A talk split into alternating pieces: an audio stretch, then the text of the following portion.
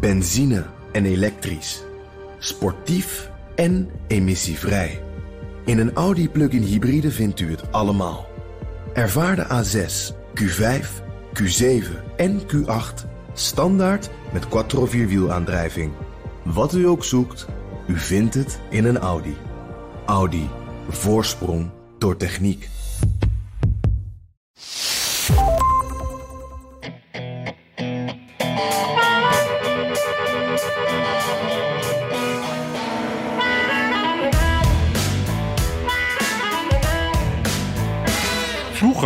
Was Donald Trump zeer lovend over zijn potentiële tegenstrever Ron DeSantis. Maar die tijd is nu wel voorbij. Ziet ook Ron DeSantis. He used to say how great of a governor I was, and then I win a big victory, and all of a sudden, you know, he had different opinions. And so you can take that for what it's worth. Ja, denk ervan wat je wilt, zegt eh, DeSantis, die deze week weer een belangrijke stap zette richting het schijnbaar onvermijdelijke, zijn kandidatuur voor 2024. Met een boek, een boektour en een belangrijke bijeenkomst met geldschieters is zijn schaduwcampagne begonnen. En Trump, die verheugt zich op CPAC, maar dat lijkt dit jaar toch niet in de schaduw te kunnen staan van eerdere edities. Dit is aflevering 169 van de Amerika-podcast. Mijn naam is Jan Posma, aan mijn keukentafel in Washington. Ik heb hier een heerlijk geurend vers kopje koffie voor me. En ik ben Bernard Hammelburg in de studio onder het wakend oog van Desmond. Met een grote kan water die hij net binnenbracht en een kopje koffie. Ah, dus jij kan ook even vooruit. Ik kan even even vooruit. Ja, maar Gelukkig. goed, ik, ik kuch en hoest een beetje, dus het komt allemaal heel mooi uit. Eh, Ja. hey, we gaan het zo hebben over de politiek. Washington, waar Washington zich erg druk over maakt. Maar waarover maken de inwoners van Washington zich nou druk, Jan? Ja, nou, het is cherry blossom tijd, Bernard. Ehm, we hebben nieuws gehad eh, deze week. eh, wat wanneer was het nou? Gisteren volgens mij. Van de National Park Service. En dat is echt een enorm moment hier in Washington. Het is namelijk eh, nu bekend wanneer peak bloom gaat zijn. Van 22 tot 25 maart. En ja, dan denken de mensen die niet in Washington zijn geweest... misschien, wat is dat? Nou, dan staan die mooie kersenbloesems... die staan allemaal in blo- bloei. Dat is rond het Tidal eh Bazin op, op de Mall... eh, bij Jefferson Memorial. En dat is een enorm ding hier. Want dan eh, ja, daar komen allemaal mensen van heinde en ver om dat te zien. Dat ziet er natuurlijk heel mooi uit. Allemaal van die roze bloemetjes. Ja, jij kent het ook, denk ik. Hè? Jij bent er vast ook wel eens tussen gaan lopen. Ik ben er vaak geweest. Ik ben er ook wel speciaal naartoe gegaan om ze te zien, want het is echt adembenemend. En ik, Ja. ben, ik ben echt niet iemand die parken en tuinen en zo allemaal bestudeert. Maar die kersenbloesem in eh, Washington, dat is echt beeld. Schoon ook door de manier, de plek, wat je, zoals je zegt, waar ze zijn geplant. En het, het, ja, het lijkt wel of ze, of ze elektronisch worden bediend. Zo mooi gelijk Ja. komen ze allemaal uit. Dat vind ik ook altijd iets Ja. aparts. Je ziet, Ja. er, je ziet er allemaal even, even schitterend. En dat, en dat, en dat, Jan. Als cadeautje van de Japanners, hè? Want, want Ah. ze, ze hadden zelf helemaal geen kersenbloesems. Althans, Washington niet. Ja, precies. En dat is, ik weet niet meer, maar dat is echt eh, al, een, al, al, al Heel lang, ja. 70 jaar geleden volgens mij. toch? Misschien nog wel langer. Ja, dat was Ja. na de Tweede Wereldoorlog, denk ik. Ehm, Ja, dat zal wel. en eh, je weet, toen werden eh, de Verenigde Staten en Japan waren eerst vijanden en daarna de dikste vrienden vanwege de opkomst van, of de, de, de- van de Koude Oorlog. Hmm. Dus het was een heel belangrijke ehm, bondgenoot. En eh, de Japanners die houden van cadeautjes geven. Hè? Dat zit zeer in hun cultuur. Hmm. Nou, hoe, hoe, hoeveel mooier kun je het maken, zou ik zeggen. Nou, en, en langdurend. Hè? Langdurig. Ja, en, en dit is echt, het, het, is echt moeilijk eh, zeg maar, dit, uit te leggen hoeveel dit losmaakt elke keer. Het is echt een soort gekte. Eh, je, hebt eh, cherry blossom cocktails, koekjes, thee. DC United, het lokale voetbalteam, speelt met een speciaal shirt met van die bloemetjes erop. Het is echt overal. Er rijden bussen rond met die cherry blossoms erop. En, en, en ze zijn er dus enorm mee bezig. En dat piekmoment, ja, dan moet je er dus zijn. Dan is het op zijn mooist. En, en jij zegt al, het is allemaal op hetzelfde moment. En er is één tree, één boom. En dat is de indicator tree.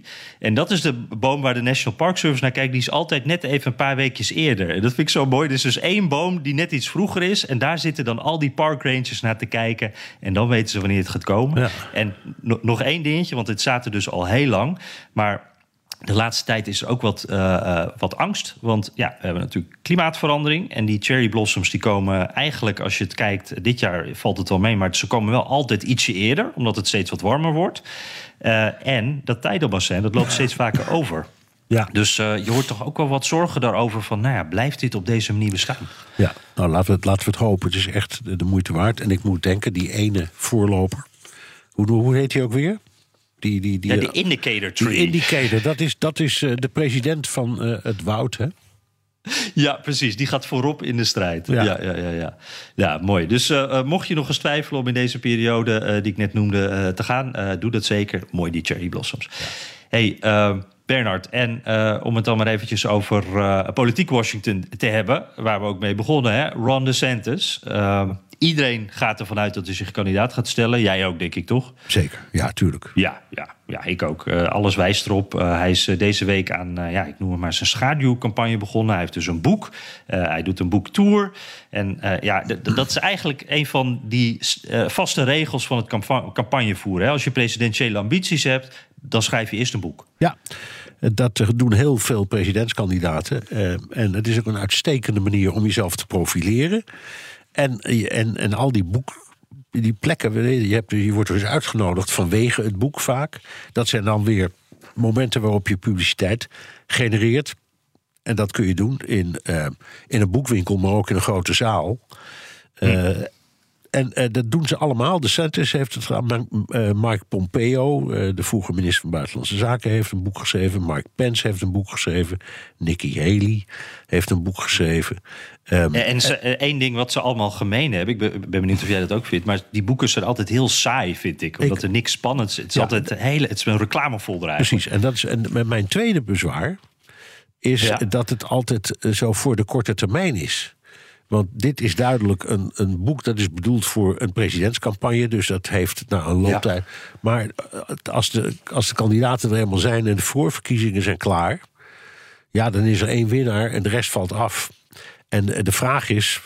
Uh, ja, wat heb je er dan eigenlijk aan? Hoewel, je kunt ook zeggen, de mensen die die dingen toch kopen. En in Amerika geldt vaak de wet van de grote getallen. Dus als maar een half procent van de bevolking zo'n boek koopt, dan ben je al helemaal spekkoper voor de rest van je leven, toch?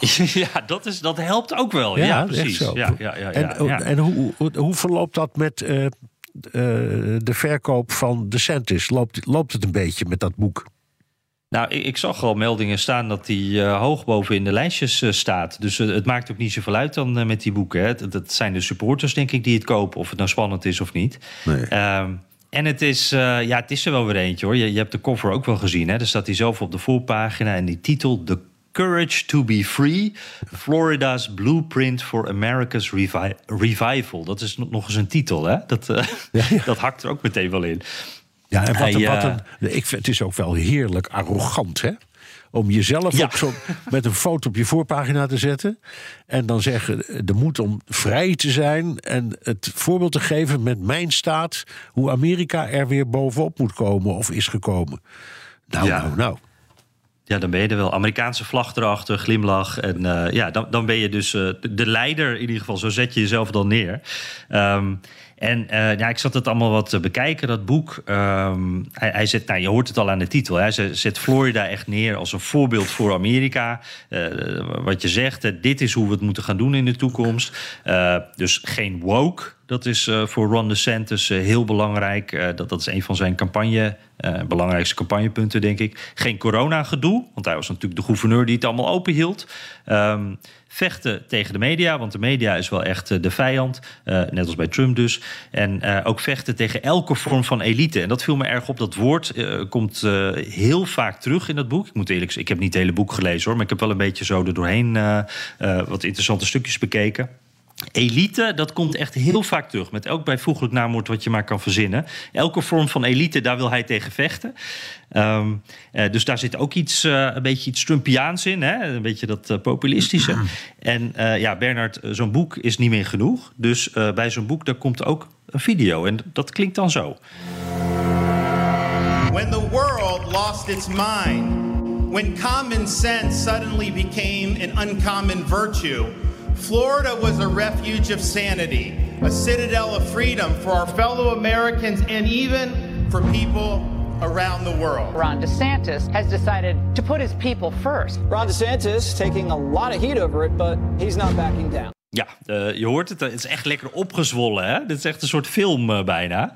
Ja. En uh, ook wel grappig. Ik, ik, dacht eerst van, ik wil het einde. Ik wil de apotheose van dit, deze video. Nu twee minuten wil ik even laten horen. Maar dat muziekje wat je op de achtergrond hoort... dat gaat dus steeds verder omhoog. Dat krijgt steeds een hogere toon. Want het neemt natuurlijk enorm... De spanning in dat filmpje neemt verder toe. Dus als je dat einde dus losknipt... dan klinkt het echt enorm overspannen.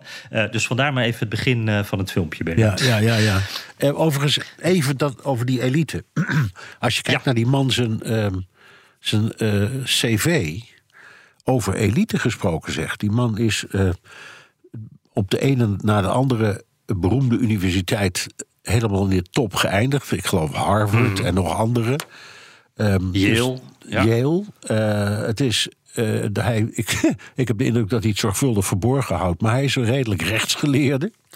Um, ja. ja. Oeh, Bernard. Ja, ja. Nee, maar, hij, nee, maar dit, dat, dit is wel zo. Ja. Dus hij ja, verzet zich tegen de elite. Maar die man is een vlees geworden voorbeeld van wat nou elite is.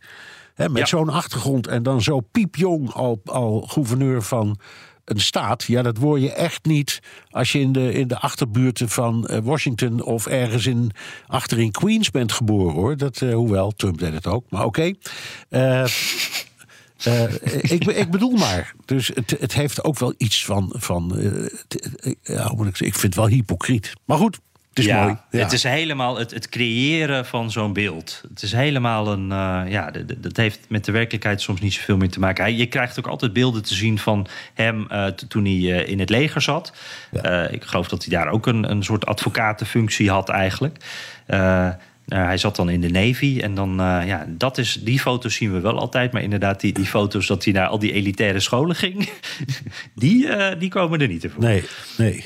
Nee. Misschien in het boek trouwens wel hoor. Dat, dat, daar heb ik niet zo op gelet, moet ik eerlijk zeggen. Maar in de filmpjes en zo is dat het, de man van het volk. Ja.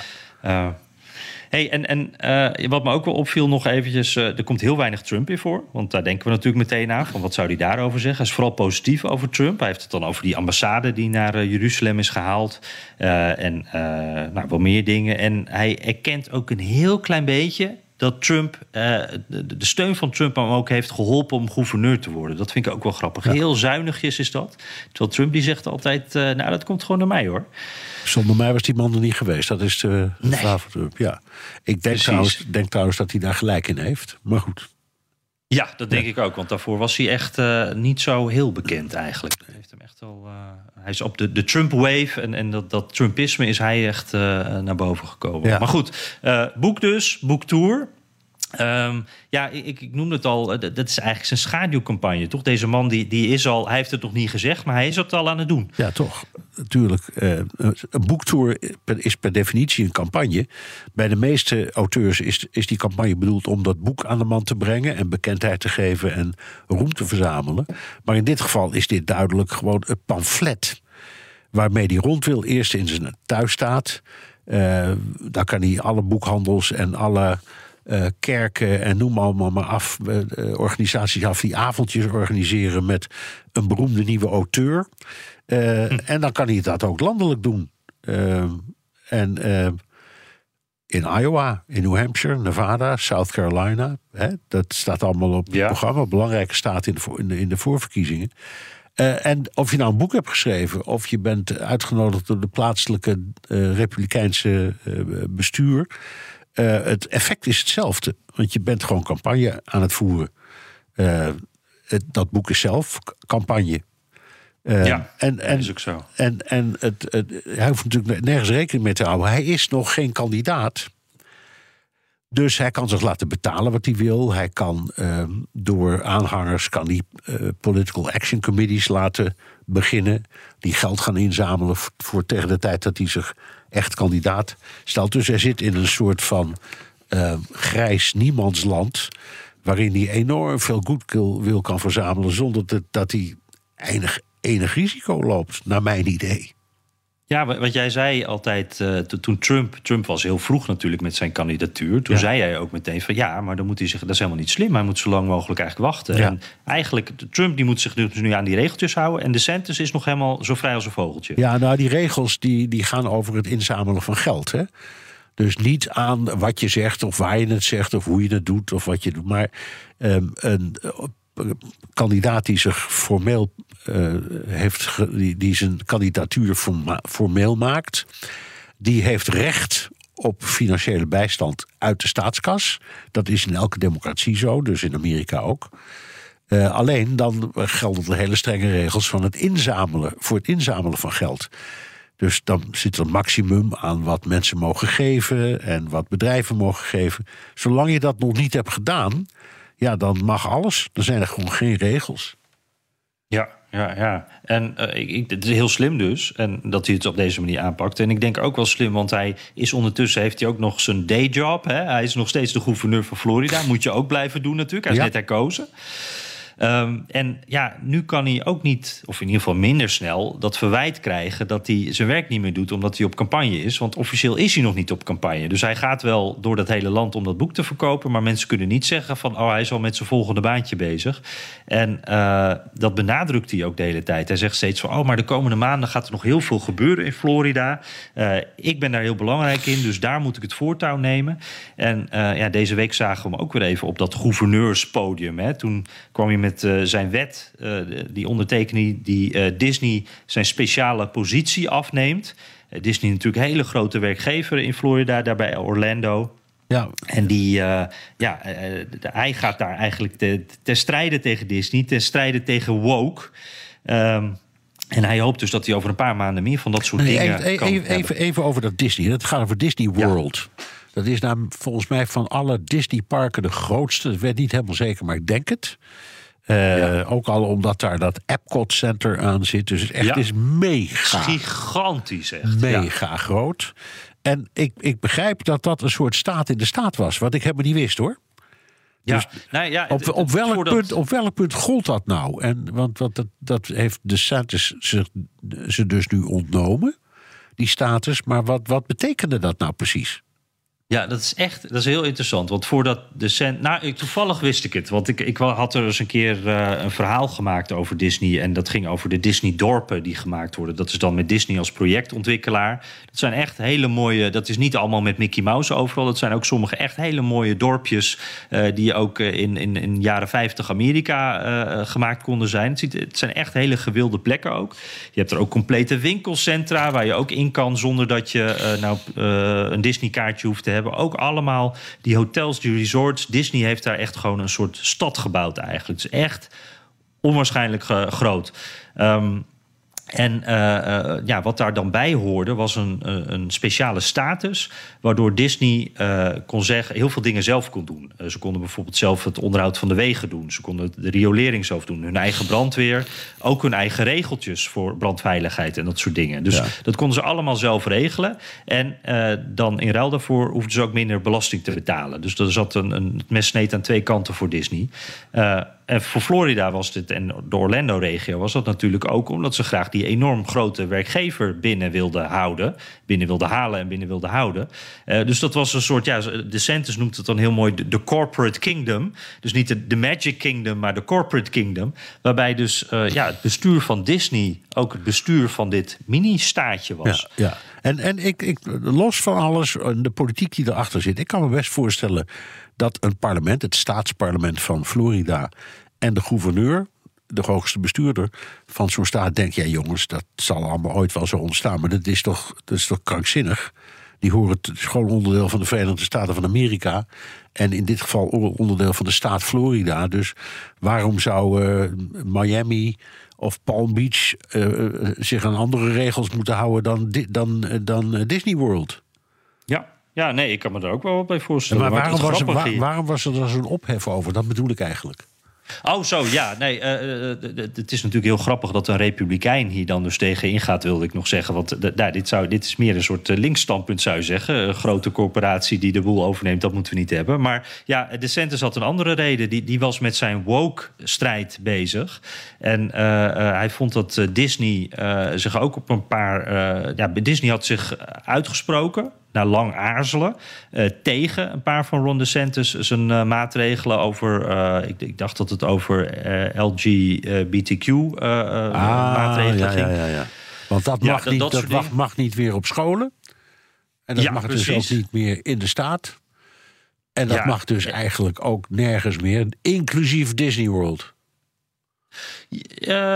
Ja, ja, en ik denk dat Disney die heeft zich daar in ieder geval tegen uitgesproken. Er wordt dan op een bepaald moment was daar, is daar dan toch een, een roep om van uh, Disney, jij bent hier een hele grote werkgever. Jullie beïnvloeden de lokale politiek ook. Dat weet iedereen ook, want jullie zijn belangrijk. Waarom zeggen jullie hier dan niet iets over? Weet je, als er iets met het milieu is, dan kan Disney ook uh, zijn maatschappelijke verantwoordelijkheid nemen. Zo zou dat ook nu kunnen. En dus heeft Disney zich uiteindelijk na aarzelen dus uitgesproken tegen bepaalde aspecten van de, van de, de woke van de Centers. En toen heeft de Centers gezegd: wacht eens even. Uh, gaat nu een bedrijf bepalen uh, wat we hier gaan doen? Zo doen we dat niet. En toen uh, zijn nou, ze terwijl, dus... terwijl het andersom was. Een bedrijf dat destijds ook klaarblijkelijk om toen plausibele reden onafhankelijk, onafhankelijk was van de rest van het bestuur krijgt, wordt nu uh, uh, onteigend, bij wijze van spreken, omdat ze niet doen wat de politieke agenda van deze meneer voorschrijft. Hm. Ja, Zo is het toch? Ja, precies. Dus uh, uh, nou, het, het, is een hele interessante situatie natuurlijk. Want ik geloof, ja. er werken daar 80.000 mensen. Uh, dit heeft echt gevolgen. En, en ook praktische gevolgen. Want nou, de brandweer, die nu door Disney dan werd geregeld... dat moeten nu de dorpen daaromheen waarschijnlijk gaan regelen. Ja. Zo zijn er allerlei dingen die ineens opnieuw... Het is alsof je... ja, je krijgt ineens een stukje land bij als, als bestuurders daar in de omgeving. Ja, maar dus dat is best maar, ingewikkeld. Om het maar in gewone taal te zetten... alleen vanwege hun opvatting over homorechten die anders was dan die van meneer De Santis. Ja, ik, ik dacht dat dat het was. In ieder geval ging het om het, het woke gedeelte ja, inderdaad. Om ja, het, uh, ja, ja, ja, dus echt om iets cult, cultureels. Fascinerend. Maar goed. Ja, zeker. Ook, hey, ook interessant. De Santis is dit weekend bij de Club for Growth. Dat is een conservatieve actiegroep. Hij zal er een toespraak houden. Andere republikeinse beoogde kandidaten zijn er ook. Zoals Mike Pence, Nikki Haley. Uh, en het bijzondere is, Trump is daar niet, niet uitgenodigd, terwijl het vlakbij Mar-a-Lago is. Waar zit Trump dan? Ja, Trump die zit dus in zijn eentje ergens anders uh, zijn feestje te vieren. Uh, uh, ja, dit is wel opvallend, uh, Bernard. Dat, dat dan uh, al die hoopvols die zitten daar dan bij die actiegroep die het niet zo op Trump heeft. En die hebben veel geld ook te verdelen, die groep. Dus dat, nou, dat zal Trump niet zo leuk vinden. En Trump die zit dit weekend bij CPAC. Um, ja, we hadden het uh, in, in jouw programma BNR De Wereld hadden we het daar ook al eventjes over. Dat jaarlijkse congres voor eigenlijk conservatief Amerika. Hè? Ja. Um, en ik, ik, uh, we hebben het er ook wel eens eerder over gehad. Want nou, ik geloof er in 1975 of zo is het ontstaan. Toen was het heel iets anders dan nu. Uh, want ik, volgens mij, als ik het goed samenvat, toen was het meer de Reagan-achtige kant van de Republikeinse Partij, toch? Dat was toen zeker, het traditionele conservatieve... Ja, dat was het ook. En het was uh, ook niet... Het was geen lawaai-fabriek. Het was nogal ingetogen en het was uh, typisch... Ja, ik moet zeggen, een, een, club van keurige dames en heren in mantelpak en kostuums. Ja. Uh, die luisterden naar uh, toespraken van hele beroemde televisie-evangelisten en, um, en conservatieve ideologen um, uit, uit, zeg maar, uit de, uit de Reagan-groep. Maar Ja. dat, dat, dat, ja, hoe moet ik zeggen, de, de associatie met, met van, van alle rare clubs die daar zich bij hebben aangesloten. Hè, uh, dus al die, die witte supremacisten, hoe je ze ook noemt, uh, de mensen van de wapenlobby, ga zo maar door. Dat kwam pas later.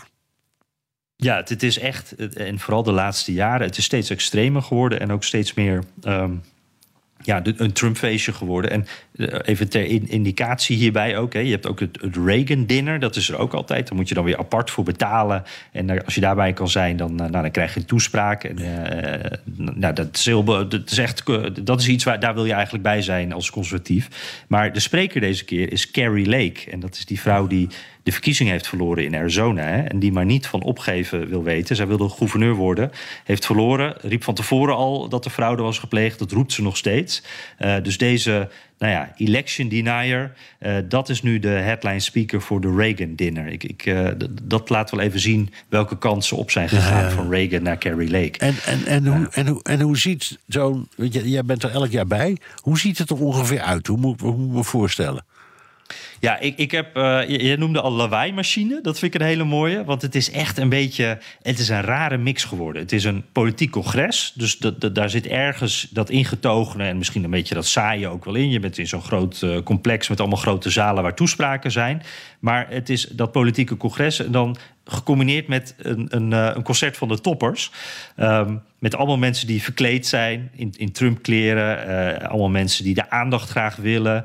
Uh, het podium ziet er ook uit als bij de toppers. Dat, er zitten allemaal grote schermen achter. grote lampen, lichtshows, opzwepende muziek als iemand het podium opkomt. wat altijd wel een mooi contrast is. Want dat zijn vaak toch wat saaie mannen of vrouwen in pak of mantelpak. wat jij net al omschreef. Um, nou ja, en er is één hoofdact en dat is Donald Trump. Uh, dus daar wordt eigenlijk naartoe gewerkt. En dat is aan het einde dan degene waar iedereen voor komt. En uh, dat, dat het om Trump draait, dat zie je dus ook overal. Want uh, iedereen heeft die. Nou, niet iedereen, maar veel mensen hebben Trump-petjes op. Als het niet een verkiezingsjaar is, is dat wat minder. Maar je ziet ze wel: de Trump-petjes, de Trump-shirtjes, de Trump-jurken, soms zelf gemaakt allemaal. En er zit ook een groot commercieel aspect aan. Want er zit ook een hal bij en daar kan je allemaal... Er zijn allemaal steentjes, uh, een soort braderie... waarbij je allemaal Trump-petjes kan kopen, Trump-shirts. Uh, en dat, dat gaat echt zo gek als je maar kan verzinnen. Er zijn ook handgemaakte hangmatten... waar dan MAGA op staat, of Trump... Uh, je kan mobiele telefoonabonnementen krijgen, speciaal voor conservatieve Amerikanen. En de vorige keer stond daar een plaatje bij van Trump verkleed als uh, Rambo. Uh, met zo'n grote mitrailleur in zijn handen. dus dat is dan een beetje hoe zij erin gaan, zeg maar. Ehm, je kan daar echt alles krijgen hoe, hoe, gek je het ook maar uh, kan verzinnen, het is er gewoon. En dat is ook een beetje een graadmeter. Want hoe meer Trump je daar ziet, dan weet je ook van... Ah, oké, okay, dat verkoopt, zo populair is hij op dat moment. Ja, ja, ja. daar ga ik dus ook een beetje naar kijken. Ja, dat is wel leuk, leuk om, om mee te maken. Um, ja, zeker. Ja, en uh, uh, tot wanneer is het? Een paar dagen Ja, het is... Tot, ja, het is nu al gaande. Dus ik, uh, ik denk dat ik er morgen even heen ga. En dan zaterdag ben ik er ook. Ja. En, en het is ook gek, Bernard. Want dan zit er bijvoorbeeld ook zo'n Jair Bolsonaro... de president van, uh, oud-president van, van Brazilië. Die spreekt bijvoorbeeld ook. Dat is al een beetje raar. Uh, er zijn allemaal Trump-adepten die daar spreken. Je hebt allemaal heel conservatieve groepen. En dat is dus echt een, een dat wordt een soort mix... En uiteindelijk is ja, de gemene deler steeds dat ze eigenlijk allemaal voor Trump zijn. Dus het is niet meer alleen de Republikeinen of de Conservatieven. Het is echt een heel specifieke groep geworden. Ja. Heel apart. Ja, nou, uh, even voor de duidelijkheid, ook voor, uh, hè, voor de luisteraar. Wij nemen dit op op uh, donderdag, einde van de middag, oh, ja. Nederlandse tijd. Het is goed dat je dat er even bij zegt. Ja, ja. Omdat, omdat ik hoor jou zeggen morgen en overmorgen weekend, ga ze maar door. Ja. Maar dan, dan weten onze trouwe luisteraars een beetje wanneer wij dit opnemen en uh, hoe lang die. En vanaf dit moment duurt het dus nog een paar dagen. En, ja, en Trump is neem, oplet. Ja, Trump is neem ik aan uh, de apotheose. Hè? Die zal wel op het laatst komen. Ja, precies. Uh, de, dat is echt de headliner. En daar uh, draait eigenlijk de hele zaterdag dan ook om. En uh, uren van tevoren zitten mensen dan al klaar in de zaal. Ja. Dus daar gaat het echt om. En ja, hij zit daar dus nu een beetje ja, in zijn eentje eigenlijk. Want uh, Nikki Haley komt ook. Die staat er wel op een dag ook. Maar uh, al die andere mensen waarvan wij denken dat ze kandidaat gaan worden... Ron DeSantis, uh, Mike Pence, nou, noem ze allemaal maar op. Die zijn er dus niet. Die zijn allemaal ergens in Florida. En, en dit is echt Trumps feestje. Ja. Dus uh, hoe, hoe uh, enthousiast de mensen hier zijn, dat wordt dan ook een beetje geïnterpreteerd als daarna zien we dan uh, hoe populair die man op dit ja, moment is. Ja, snap ik. Apart. Ja, nou, hey, daar gaan we het vast ook nog wel over hebben. En ik zit even te kijken hoor. zullen we zo naar de luisteraarsvragen gaan of zullen we nog even beide kort meepakken? Wat, wat vind jij? Nou ja, is, er is wel nieuws over bij. Doe maar even. We ja. doen, doen het gewoon even in twee minuten. Ja, pakken we dat ja. ook nog even mee. Hey, want Biden die, die, had goed nieuws en potentieel slecht nieuws. En, en laten we eerst het slechte nieuws maar even pakken. Dat Hoge Rechtshof, hè, die, hebben een hoorzitting gehad... over Bidens uh, Student Loan Forgiveness Plan. Ja. Waarmee dus hele grote studieschulden kwijtgescholden Ontzettend belangrijke wet. Hè, gewoon objectief los van je, hoe waar je politiek staat. Omdat bijna iedereen die gestudeerd heeft... zit tot over zijn oren en vaak tot ver in zijn, um, in zijn carrière in de studieschuld. Dus gigantisch, hè? vergeleken met Nederland ook echt enorme bedragen. Dat, dat, dat, gigantisch. En Biden had dus een wet ingediend die, uh, die uh, dat kwijtscholdt tot 10.000 dollar... wat op het totaal meestal niet zoveel uitmaakt... en onder bepaalde omstandigheden 20.000 dollar. Maar het Hoogrechtshof kijkt naar de juridische grondslag... Uh, eerst hebben er is een aantal staten heeft geprotesteerd. Dat hebben ze terzijde geschoven. Maar wel een aantal ehm, betrokkenen, gewoon mensen, studenten die dat hebben aangevochten vanwege de discriminatie. Of omdat de een kreeg wel de eerste 10.000, maar niet de volgende 10.000. Oh ja, ja. En daarvan zegt het Hooggerechtshof, ja, die mensen die hebben wel een punt. Dus het, het kan best zijn dat die wet niet deugt. Nou, dan, eh, dan zijn de rapen gaar. Dan is het echt een enorme zepert. Ja, want eh, bij Biden die heeft natuurlijk toen hij, dat, eh, toen hij daarmee kwam, toen, toen was al eh, ja, een beetje de, de victory lap. Toen waren ze daar allemaal heel enthousiast en blij over. En inmiddels heeft het dus, is het al een paar keer uitgesteld. En nou ja, nu, het duurt maar en het duurt maar. hè. Ja, dus ja. Het, Nou goed, en dan even naar het goede nieuws. En insuline. ja, en dat is wel grappig natuurlijk. Want daar hadden we het vorige week volgens mij nog over. Toch? Naar aanleiding van die luisteraarsvraag. Zeker. Ja, precies. En, en toen was de vraag ook van, nou, hoe, hoe kan dat nou dat eh, insuline, dus iets wat diabetes nodig hebben, hè, dat, die, eh, dat die prijs zo hoog ligt in Amerika? En wat heeft Biden daar nou precies aan gedaan? Nou, Biden die had ehm, vooral voor, voor ouderen en, en mensen die Medicare hebben, was er een, een maximumprijs gekomen van 35 dollar per maand. Dus dat was goed voor nieuws voor die groep. Dat zijn miljoenen Amerikanen, maar niet alle Amerikanen. En dan kwam er deze week echt een opvallend bericht. Eli Lilly, dat is eh, ook een fabrikant van eh, insuline, een van de drie grote.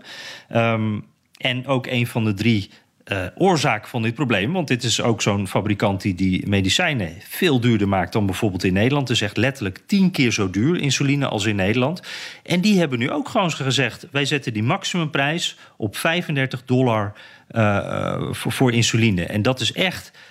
Voor miljoenen Amerikanen is dat een zucht van verlichting.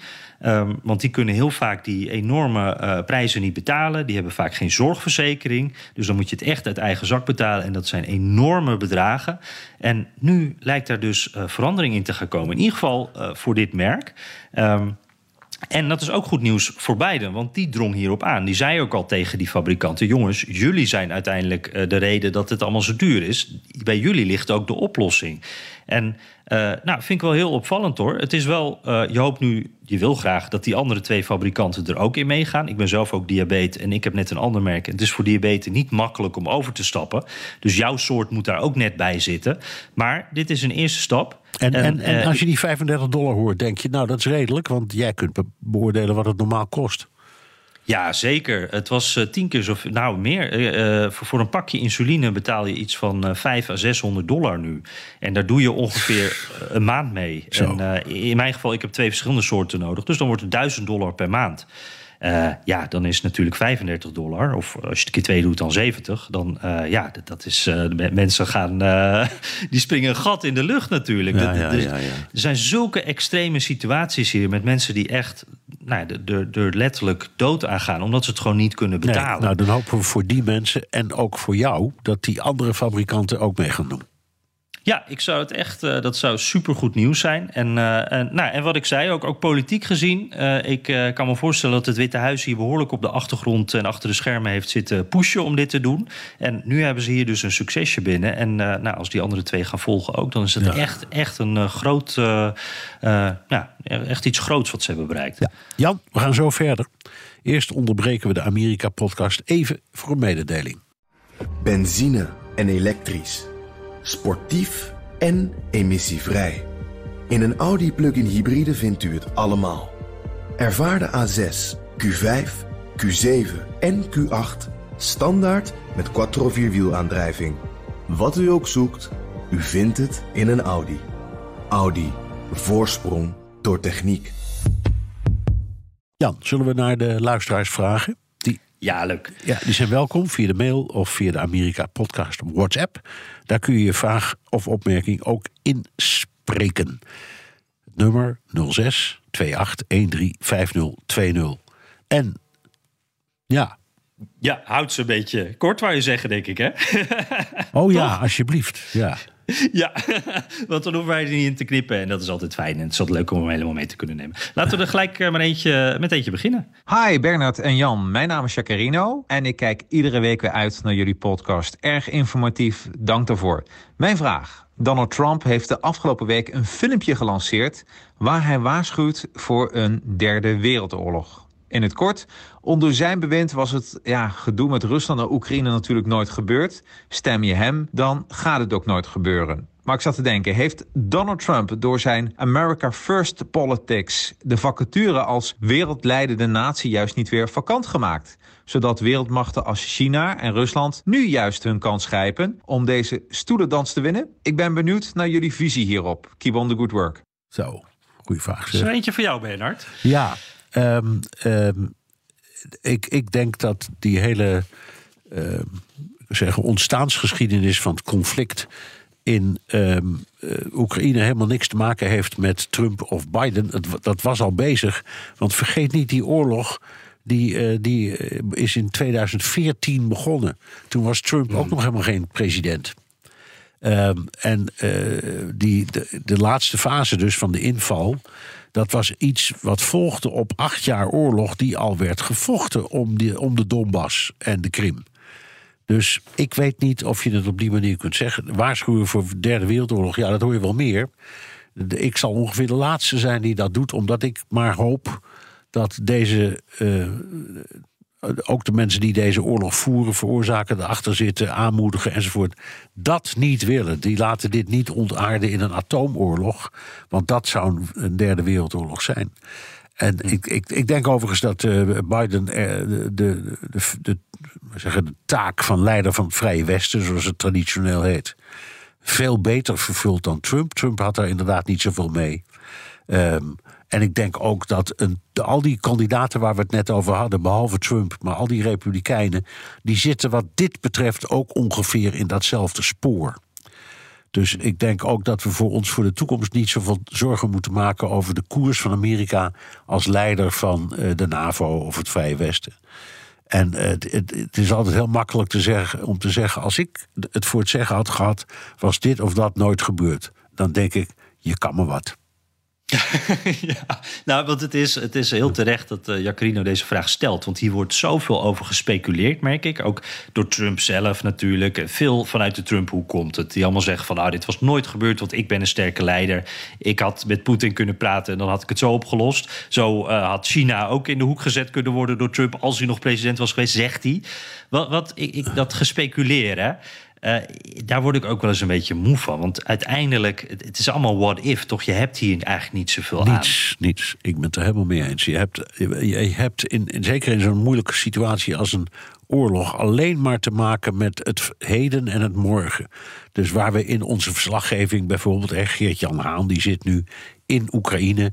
Die maakt daar mhm. prachtige uh, doorkijkjes. Um, en uh, Floris Akkerman, zijn zijn maat, die is daar ook een aantal keer geweest. Die laten we doorkijkjes maken samen met allerlei militaire deskundigen om te begrijpen wat er gebeurt. En daar zit ook een geopolitieke kant aan, waar ik vaak over in de uitzending ben. Maar dat speculeert nooit. Ik, ik speculeer nooit in dit soort uh, redeneringen. En precies zoals jij dat zegt, van what if. Ja, je kan maar wat. Ik, daar kunnen we niks mee. Um, ik denk dat. Maar wel een leuke vraag. Het is een hele leuke vraag en een hele, en een hele relevante. Ja, ja, vind ik ook. Leuk. hey, uh, Davita dan, die zegt, uh, die luistert al sinds aflevering 17. Dus uh, lekker bezig, Davita. ik vroeg me af waarom we zo weinig in Nederland horen over die ramp in Ohio. Schijnt er, zeer ernstig te zijn. maar ik hoor milieuactivisten en ook de media, ik hoorde daar niet zoveel over. waarom is dit? Ja, behalve Trump, hè? Eerlijk is eerlijk. Ja, die was er meteen. Die was er meteen, maar die, die, die, ging op bezoek. Ja. Die ging op bezoek en die heeft zich daar terecht heel erg druk over gemaakt. Het is een verschrikkelijke ramp die zich daar heeft afgespeeld. Een, uh, een, uh, een, een, een, trein met chemisch spul die ik geloof is ontspoord. En daardoor is echt gewoon een milieuramp uitgebroken van, van de grootste orde. En er wordt ook heel veel aandacht aan besteed door de uh, autoriteiten. Ook in de Amerikaanse media vind je het wel hoor. Maar ik ben het met die vraag eens. Ik ben ook verbaasd. Oh, als, als zoiets in, bij ons in de buurt in Europa ergens zou gebeuren. Ik denk dat het nergens anders meer over zou gaan. Ja, ja, ik, ik zat er ook wat over na te denken. Want het is, ik, ik, ik zat me de afgelopen weken, vroeg ik me dit ook steeds wel een beetje af. En er waren een paar dingen die denk ik meespelen. Um, dit viel ook een beetje samen met het bezoek van Biden aan Oekraïne. Uh, dus daar ging ook heel veel aandacht uh, naartoe. Uh, dat is dan zo'n zo'n mediawet. Hè? Dan, dan, valt, dan wordt het een beetje, komt het in de verdrukking. Ja, ik, en noem, ik, denk ik, ook, ik, ik, noem ja. dat selectieve verontwaardiging. Ja. Dus als je, als, ja. je, als je heel erg bezig bent met het een, dan kun je niet ook nog een ander. Je, als je bezig bent met een oorlog, kunnen we het ook niet hebben over een, over een ramp. Kom op, zeg. Ja. Maar dat is natuurlijk onzin. Dus ik, de, nou, het, het, en, het is en heel raar, want ja? die, die Amerikanen zijn altijd heel erg met zichzelf bezig, ook in de media. En in dit geval dus eventjes niet. En, en toen dacht ik, ja, misschien een andere reden. Ik, ik, wil het niet goed praten, maar ik merk ook wel, sinds dit gebeurd is, hebben we iets van vier of vijf berichten gehad van vergelijkbare treinen. Het wordt gelukkig niet zo'n ramp, maar die ontsporen. En daar zit dan ook gevaarlijke ladingen in. Ja. Uh, dit gebeurt heel veel. Ja. Um, wat, wat, niet een reden is, je moet er aandacht voor hebben, zeker. En, maar, maar het is best een gekke situatie ja, eigenlijk. Ja, zo is het ook. En uh, het, het, vertelt ook heel veel over de kwaliteit van het spoor. Maar hebben het al vaker over gehad. En daar zullen we het ongetwijfeld in de toekomst ook nog wel eens over hebben. Maar ik vind het een uitstekende vraag van David, dat wil ik maar zeggen. Ja, precies. We hebben in ieder geval een beetje uh, duidelijkheid proberen erin te geven. hey, Christian Daams dan. Um, ja, die luistert uh, uh, en die zegt van... ik luister graag naar jullie podcast, want de BBC hier in Engeland... is eindeloze treurnis. Dus hij zit in Engeland blijkbaar. Nou zeg. Wel, de BBC zijn we wel fan van, ja, toch? Ja, ik, ik, ja. ik ben altijd wel, wel gecharmeerd van de BBC. Ja. Nou, dan zien we dit maar als ja. een compliment, Christian. wat ik me nou afvroeg. Bestaat er in Amerika iets als lokale politieke partij? Hier in het VK hebben we de twee grote... maar ook de SNP in Schotland en de ja, ik kan dit bijna niet uitspreken. Plate Simru, zou ik ja, het zo goed is, zeggen, denk je, nee, in Wales? Wij kunnen geen Welsh, dus we kunnen dat niet nee. uitspreken, nee. Sorry, above my pay grade. Ja. Uh, maar ze vragen, ze, uh, hij vraagt zich af, is dat in Amerika ook een ding? De Alaska-partij of zo noemt hij als voorbeeld. Volgens mij niet. Ik weet het niet, maar niet zo, nee, volgens mij zijn er geen uh, lokale partijen. Je ziet het zoals nu... Uh, hebben we in, in Nederland uh, statenverkiezingen. En dan zie je ook allerlei partijen die je niet landelijk ziet maar die wel een, een provincie uh, vertegenwoordigen en daar vaak heel veel invloed hebben en ook veel meer idee hebben van wat er lokaal speelt. Maar in, in Amerika is het echt, daar zijn het de afdelingen van de grote partijen in zo'n staat die die functie vervullen. Mm, dus je hebt, ja, je, ja, hebt, ja. je hebt in, in Alaska heb je een hele actieve Republikeinse partij. Hè, dat zijn het algemeen in de meerderheid daar ook democraten. Maar die hebben, die hebben dan een aparte partij. Die afdeling, die, die, dat is de lokale partij waar je je toe kunt wenden. Duidelijk, uh, dank voor die vraag in ieder geval. Uh, zullen we nog een audiovraagje doen? Nog een audiovraag. Dag heren. Amerika kent een rijke historie aan races for the presidency. En we hebben allemaal volop mogen smullen van het geweldige gevecht tussen Biden en Trump. Maar zo ken ik er nog wel een paar. Neem Al Gore tegen Bush of McCain tegen Obama. Hier gaat mijn vraag ook over. Wie is volgens jullie de beste presidentskandidaat ooit die nooit president is geworden? Wie had het meeste kunnen bereiken? Oftewel, wie is de beste president die Amerika nooit heeft gehad? Ik ben benieuwd. Ja.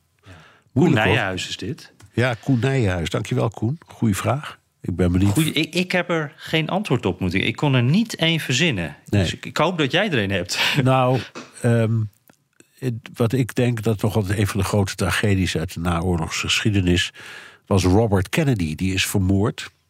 Hmm. He, de broer van, uh, van uh, JFK, die in diens kabinet minister van Justitie was. En, zich, en beroemd is geworden. Dat was natuurlijk nepotisme, dat die man überhaupt die functie kreeg als broer, maar oké. Okay.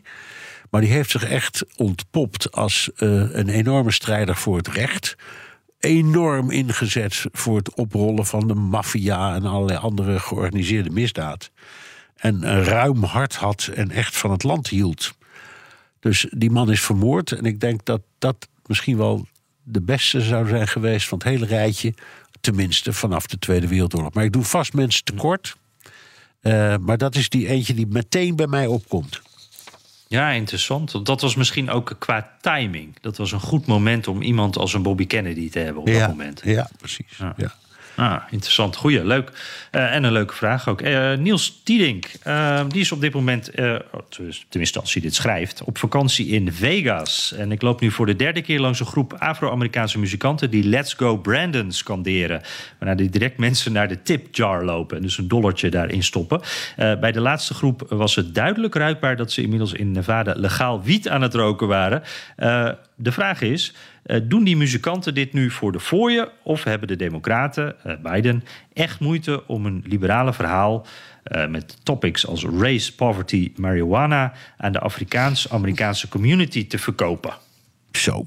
Ja, vind ik, vraag. vind ik een ingewikkeld hoor. Ja. Mijn, mijn, mijn, neiging is om te denken dat die band dat gewoon deed om geld in te zamelen. Denk ik eigenlijk ook. Ja, en ja, dat Let's Go Brandon, dat is eigenlijk een anti-Biden-kreet. Um, en als ze zien, denk ik, dat ze dat een groep mensen zien waarvan ze kunnen ruiken, zal ik maar zeggen. Dat het waarschijnlijk republikeinen zijn, ja, dan werkt dat. Dan doe je het dus op die manier. Denk ik. Ja. ja. En, ik, en ik denk, daar ben ik het mee eens. En ik denk, uh, Niels, ook uh, heel. We zien vaak dit als uh, een homogene groep. Hè? Als we het over African Americans, of over Latino's, of over blanken. Of over, nou, dan hebben we altijd snel de neiging om dan te denken dat dat een groep is die als een blok ook stemt en als een blok denkt. Maar dat is eigenlijk helemaal niet zo. Dus ik, ik, het verschilt enorm per, per regio ook. Oké, okay, um, we zitten, we zitten al ja. aan de drie kwartier, Jan, weet je dat? En, en ik hoor dat je weer een beetje kriebel hebt, of niet? Moet, ja, uh, daar heb ik voortdurend. Ja, ja, ja, ja, nou ja. Dat is, het is een beetje bronchitis, om precies te zijn, zegt de dokter. Oh, dus vervelend. Maar ik zit onder de antibiotica, gaat wel weer weg. Oké, okay, ja. goed. Nou, laten we dan in ieder geval jouw stem een beetje sparen. En uh, zullen we hem daarmee uh, afronden, Bernard? Yes. Terugluisteren kan via de BNR-site, Apple Podcasts of Spotify. Heb je vragen, opmerkingen, kritiek of complimenten... dan kan dat ook met een tweet naar Jan Posma USA of BNR De Wereld. Of heel ouderwets met een mailtje naar dewereld.bnr.nl. En je kunt je vraag ook inspreken of intikken op de Amerika-podcast WhatsApp 06 28 13 50 20. Ja, en uh, zoals altijd, uh, welk platform je ook kiest, zet even je naam uh, en ook natuurlijk je adres in de tekst. Want dan maak je kans op die fantastische, beroemde Amerika-podcast koffiebeker. We bestellen er weer een paar extra bij hè, om weer weg te kunnen geven. Dus dat gaat binnenkort weer komen. En Bernard, dan wens ik jou beterschap met je stem. En, want ik weet dat je hem nodig hebt nog de komende tijd. En dan zie ik je volgende week. Dankjewel. Dag Jan. Doeg.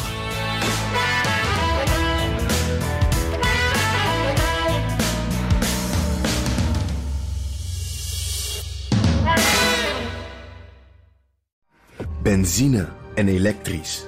Sportief en emissievrij. In een Audi plug-in hybride vindt u het allemaal. Ervaar de A6, Q5, Q7 en Q8 standaard met quattro vierwielaandrijving. Wat u ook zoekt, u vindt het in een Audi. Audi. Voorsprong door techniek.